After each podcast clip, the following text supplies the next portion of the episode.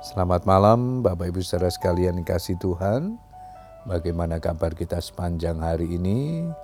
Doa saya semua dalam keadaan sehat, selalu dalam perlindungan dan berkat daripada Tuhan. Kita bersyukur malam hari ini kita masih diberi kesempatan untuk berdoa bersama dengan keluarga kita. Mari terus membangun misbah doa, karena itulah kekuatan kita dalam menghadapi masa pandemi ini. Sebelum berdoa, saya akan membagikan firman Tuhan yang malam hari ini diberikan tema nyanyikan kemenangan setiap hari. Dengan ayat mas kita di Hakim-Hakim 5 ayat yang ketiga, firman Tuhan berkata demikian, Dengarlah, ya raja-raja, pasanglah telingamu, ya pemuka-pemuka. Kalau aku, aku mau bernyanyi bagi Tuhan, bermasmur bagi Tuhan. Ketika orang sedang dilanda duka, kecewa atau putus asa, jarang sekali keluar dari mulutnya terdengar nyanyian pujian. Kalaupun ia bersenandung, yang dinyanyikan pasti lagu-lagu yang selaras dengan kondisi atau keadaan yang sedang menimpa. Ketika sedang ditinggalkan oleh orang yang dikasih, lagu yang dinyanyikan pastilah bertemakan rasa kehilangan dan mengasihani diri sendiri disertai urean air mata karena hati yang sedang meratap. Nyanyian tersebut tak akan membuat sedih hilang, malah semakin menenggelamkannya pada kepedihan yang makin mendalam. Bagi orang percaya, nyanyian kemenangan dan sukacitalah yang harus keluar dari mulut di segala keadaan. Bukan nyanyian cengeng tanda frustasi, kecewa, dan gagal – Biarlah setiap nyanyian dan pujian kita selalu menjadi tanda kemenangan atas setiap pergumulan hidup kita. Tanda kita mengimani janji-janji Tuhan.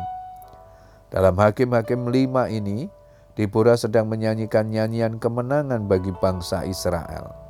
Nyanyian yang bermuatan iman yang membuat musuh gemetar dan lari tunggang langgang.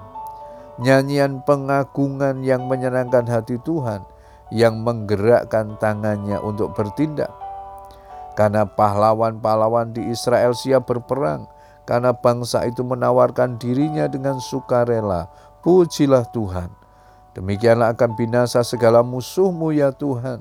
Tetapi orang yang mengasihinya bagikan matahari terbit dalam kemegahannya. Lalu amanlah negeri itu 40 tahun lamanya. Hal itu menunjukkan bahwa Deborah sangat percaya akan kuasa Tuhan. Ia berkeyakinan jika Tuhan ada di pihak bangsa Israel, siapa yang dapat melawannya? Bangsa manakah yang dapat menahan dan yang menghentikan keperkasaan Tuhan? Bapak Ibu Saudara sekalian dikasih Tuhan, nyanyian kemenangan seperti inilah yang dapat mendatangkan mujizat sebab Tuhan bersemayam di atas puji-pujian umatnya. Mazmur 22 ayat yang keempat.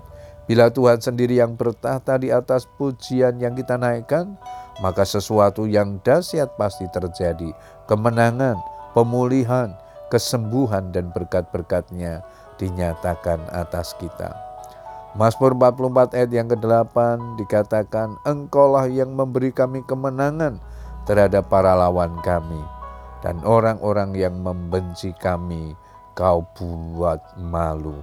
Puji Tuhan, Bapak Ibu Saudara sekalian yang dikasih Tuhan, biarlah terus kita mengagungkan Tuhan, menyanyikan nyanyian-nyanyian kemenangan, karena itulah menjadi ekspresi bahwa kita terus beriman percaya kepada Tuhan dalam segala situasi dan kondisi yang kita hadapi hari-hari ini. Tetaplah percaya kepada Tuhan, Dia ada bersama dengan kita dan memberi kemenangan kepada kita semua.